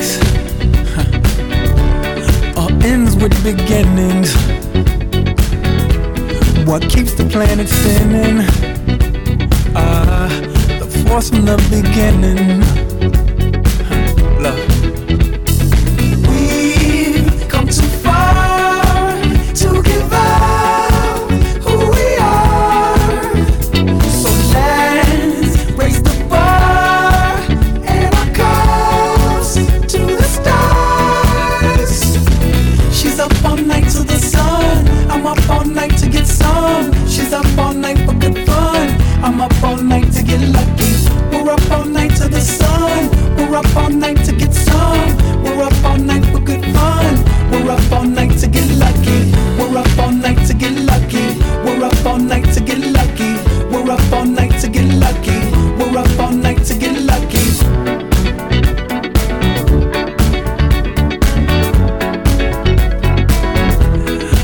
The present has no ribbon.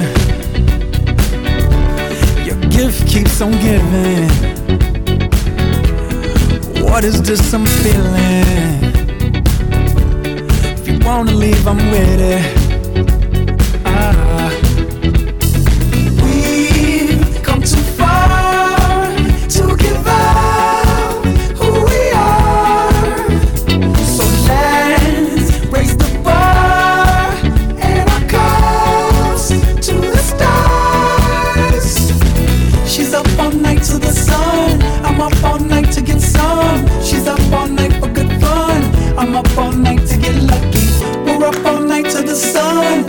Up all night to get some. We're up all night for good fun. We're up all night to get lucky. We're up all night to get lucky. We're up all night to get lucky. We're up all night to get lucky. We're up all night to get lucky. We're up all night to get. We're up all night to get. We're up all night to get. We're up all night to get. We're up all night to get. We're up all night to get. We're up all night to get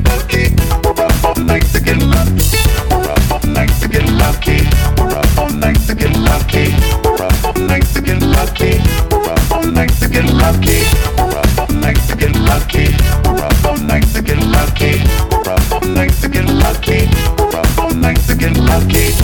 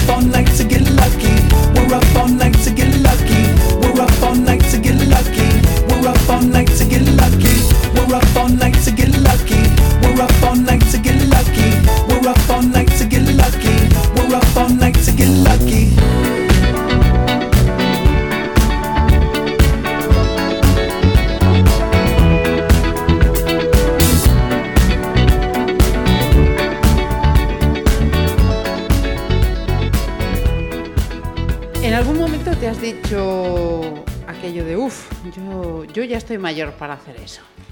En el ámbito profesional y en el ámbito personal. No, no, en este momento no, todavía no, afortunadamente. No, no, no, no, no, no, no. No, al revés, fíjate que en este momento eh, yo podría decir que es el momento de actividad más variada, más, más poliédrica, diríamos, de, de toda mi vida, ¿no? En lo profesional, porque estoy haciendo las tres cosas, prensa, radio y televisión. Eh, e incluso a mayores, en lo personal y profesional, eh, desde hace un año y pico aproximadamente, me he vinculado mucho más con, con nuestros negocios. ¿no? Bueno, si la gente sabe que pues, mi mujer y yo tenemos el dulce de leche, las cafeterías del dulce de leche, y yo estoy más vinculado, digamos, en ese sentido. ¿no? Y de hecho yo estoy eh, echando una mano, mm, debido además a la baja de mi mujer, por, por problemas de espalda, operaciones, etcétera, en el dulce de leche de Reina Victoria, que es el fundacional, que es el primero con el que empezó todo, ¿no?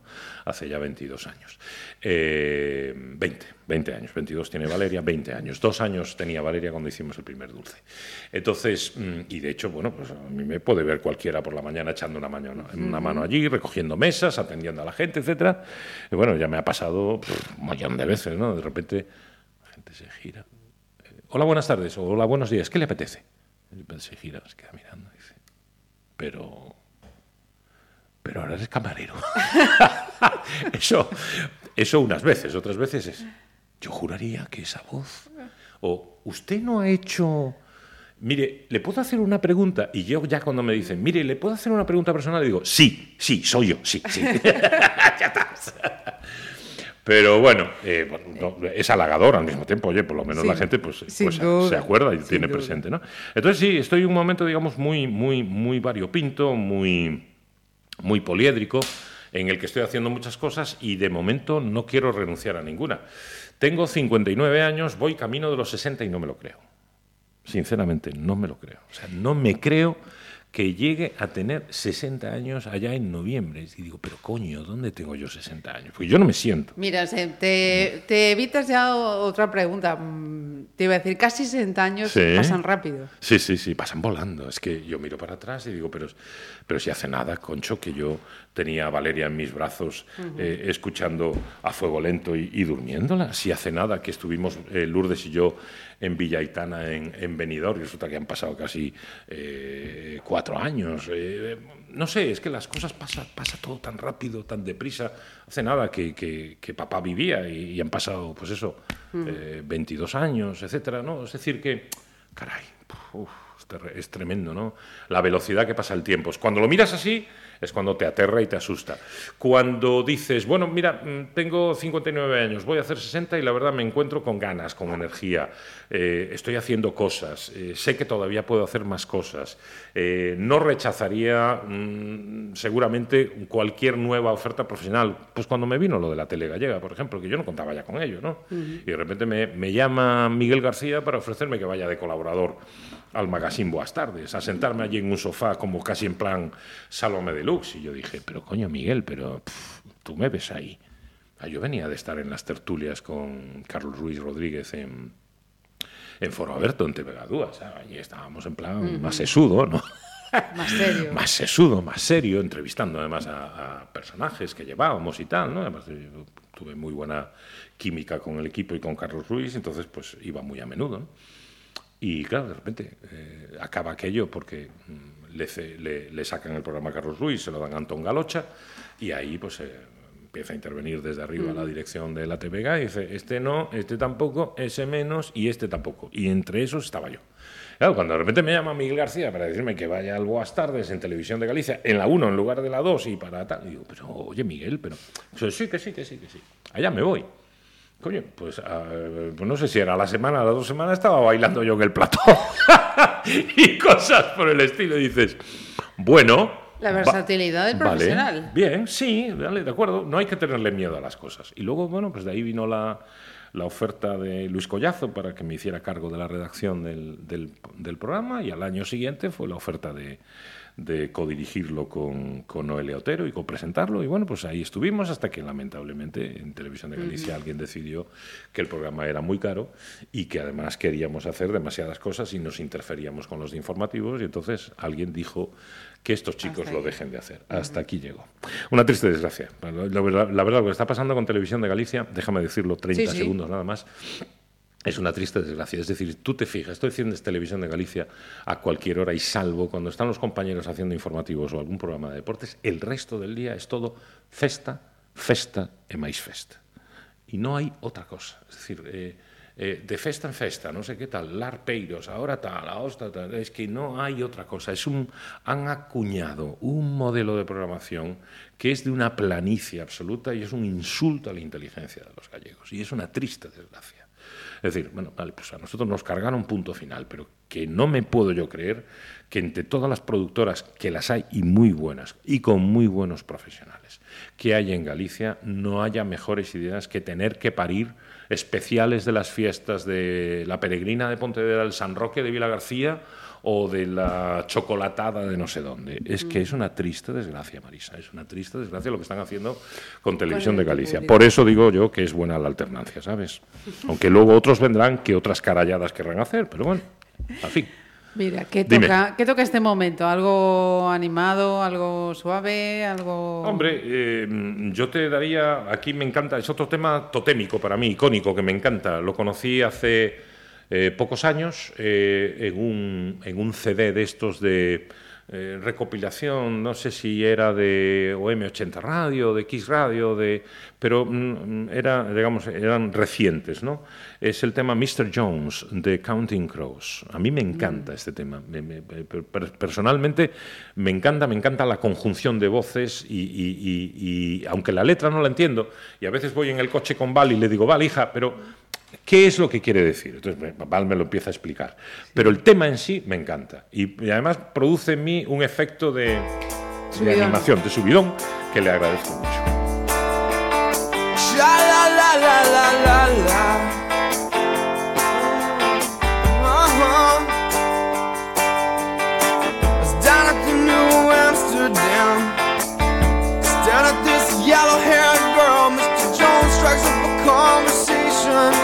With a black-haired flamenco dancer. You know she dances while his father plays guitar. She's sudden beautiful. And we all want something beautiful. Man, I wish I was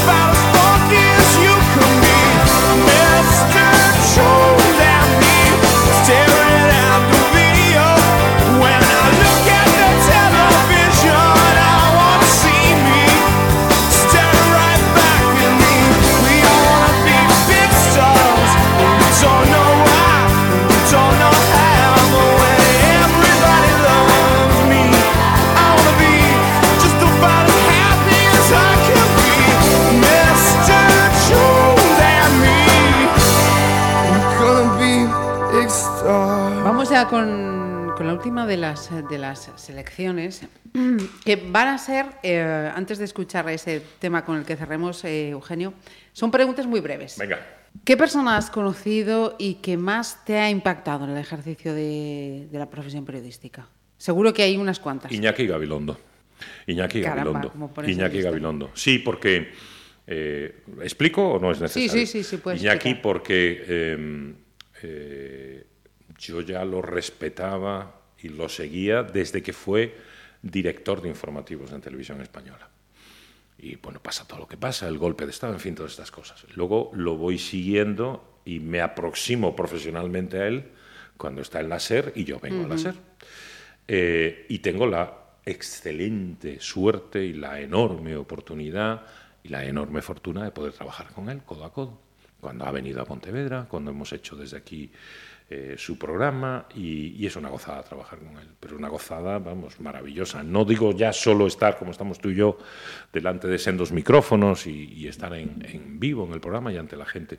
Digo también trabajar con él en una mesa en, en una sala que nos dejó el Hotel Rías Baixas, donde estaban hospedados cuando vinieron a hacer el programa eh, en una de las ocasiones con todo el equipo y estar con él, con Luis del Val, eh, con toda la gente de, de aquel equipo, pero con Iñaki y de una manera muy, muy especial. Y luego he tenido la gran suerte además de, de poder compartir con él algo de tiempo y conversaciones ya en un orden más privado, más personal. Y es un tío que me cautiva, me, me cautiva, pero absolutamente. Eh, ¿Lamentas haber eh, renunciado a algo personal si es que te has visto en una tesitura por motivos profesionales? No, no, la verdad es que creo que no me he visto en esa tesitura nunca. He podido siempre compatibilizar momentos personales, casi todos felices y alguno duro, eh, con mi actividad profesional. No he tenido el impedimento de no poder ir o de estar, yo que sé, haciendo algo y no llegar a tiempo. Imagínate, pues del nacimiento de Valeria. O tal. Sí que pudo, es decir, ocurrió, pero bueno, sabía que iba a ocurrir. Lo que pasa es que no estuve en el momento físico en que se produjo eh, la muerte de mi papá, que estaba hospitalizado en, en Madrid, en el, en el Ramón y Cajal. Y cuando mi madre y mi hermano me avisaron, eh, estaba casi falleciendo. Entonces agarramos el primer avión, Lourdes y yo, pero y cuando llegamos ya había fallecido, sí. El momento o la, la noticia que, que, mm, o la información que más te ha costado dar, Eugenio. La información que más me ha costado dar. Hombre, eh, mm, cuando muere, cuando muere alguna persona que has conocido muy de cerca. Y cuando tienes que dar esa noticia, mm, en fin, eh, hay que hacer un, un ejercicio triple de sí, sí, de profesionalidad e intentar alejarte, intentar evitar que se te quiebre la voz. Aunque yo considero que si se te quiebra la voz tampoco es malo Tampoco pasa nada. eh, es, es sincero. Es decir, yo siempre he creído que la, la, la mayor o menor eh, suerte, fortuna y credibilidad que puedas tener en este negocio está directamente vinculada a lo sincero que tú seas delante de esta alcachofa. Totalmente a lo sincero que suenes delante de esta calchofa. Entonces, delante del micrófono, vamos, para, para no usar el término, el término profesional del argot, ¿no? Y yo creo que la clave está ahí. Por tanto, si te quiebra la voz, tampoco es malo, ¿no? Pero bueno, esas son las que más cuestan. Y ponías el ejemplo antes. ¿Qué halaga más? ¿Que reconozcan el rostro o la voz? Hombre, yo estoy muy acostumbrado a que reconozcan la voz, pero desde que hice tele y vengo haciendo tele, pues claro, ya una cosa va asociada a la otra. Claro, el que te reconozcan eh, físicamente te quita cierta privacidad, inevitablemente, cierto derecho a la intimidad, es inevitable. Pero bueno, la gente en Pontevedra y en general mm, por ahí adelante ha sido muy respetuosa. Yo no me he visto nunca, creo, en situaciones así eh, violentas, si acaso alguna azarosa, ¿no? Pues eso. Ay, es usted tal, me, eh, me- pasó, ¿no? Me, me firma tal. Pues a mí me pide un autógrafo. Me, me parece tan, me parece tan loco, tan, tan fuera de lugar. Si yo simplemente hago mi trabajo, punto. Tengo la gran suerte de que es un trabajo, eh, bueno, pues ante el público o para el público, pero bueno, no, no, no- no- tiene más mérito un cirujano que salvavidas. Eh, si te digo, para cerrar ya, Sí. ¿qué nota le pondrías a a los 59 años de Eugenio Geniate? Ah, muy buena. Yo creo que están muy bien aprovechados. eh. Lo he hecho francamente muy bien. Yo creo que además he tenido una vida, y sigo teniendo, espero, seguir teniendo una vida muy plena, eh, muy, muy satisfactoria, muy llena, y en la que tanto en lo personal como en lo profesional, pues creo que no me ha ido mal. Pues, hay etapas de tu vida o momentos de tu vida que intentarías eh, corregir o modificar. Pues si hubiera esa posibilidad, a lo mejor sí. Pero como ya sabemos todos que no la hay, pues bueno, pues eh, por lo bueno y A lo por lo hecho malo. pecho, ¿no? Exacto, lo comido por lo servido, ¿no? Es, es lo que hay. ¿Y con qué vamos a cerrar? Hombre, vamos a cerrar con el otro tema con el que yo dormía a mi hija Valeria, ¿no? El de Take That. El de Take That. Sí, porque eh, aparte de que me trae ese, ese recuerdo precioso, eh, además es un tema que me ha encantado y, y eran un grupo que sonaba muy bien. Bueno, luego cada uno ha ido por su lado y alguno le ha ido mejor que a otro. Pero bueno, el Back for Good de, de Take That me parece un temazo, además, un- con una coralidad así muy, muy especial y me parece además suficientemente animado también para echarle el cierre a esta deliciosa charla contigo. Un placer. Muy grande mío. para mí. Gracias. I guess now it's time for me to give up. I feel it's time. Got a picture of you beside me. Got your lipstick mark still on your coffee cup. Oh, yeah. Got a fist of pure emotion. Got a head of shattered dreams. Gotta leave gotta leave it all behind now. Whatever I said, whatever I did, I didn't mean it. I just want you back for good. Want you back, want you back, want you back for good. Whenever I'm wrong, just tell me the song and I'll sing it. You'll be right and understood. Want you back, want you back, I want you back for good. Unaware but underlined, I figured out the story. No, no, it wasn't good. No, no, but in a corner of my mind, I celebrated glory, but that was not to be. In the twist of separation, you excelled at being free. Can't you find a little room inside for me? Whatever I said, whatever I did, I didn't mean it. I just want you back for good. Want you back, want you back. See, I want you back for good. Whenever I'm wrong, just tell me the song and I'll sing it. You'll be right and understood. I want you back for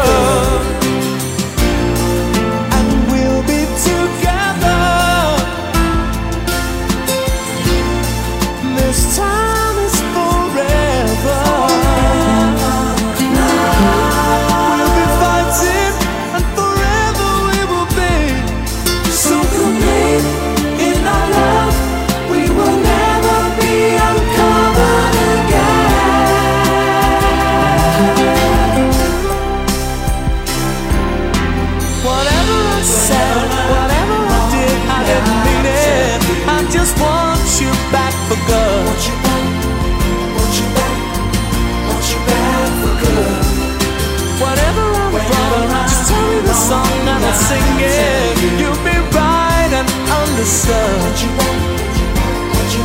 See, I want you back for. Whenever I'm wrong, I'll tell you. I just want you back good. Want you back, want you back. I want you back.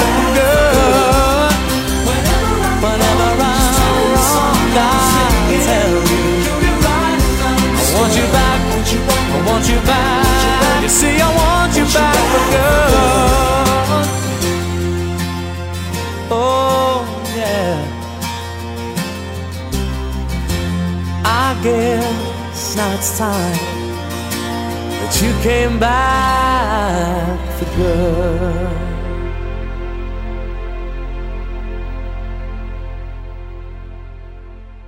A Playlist Pontevedra Viva Radio.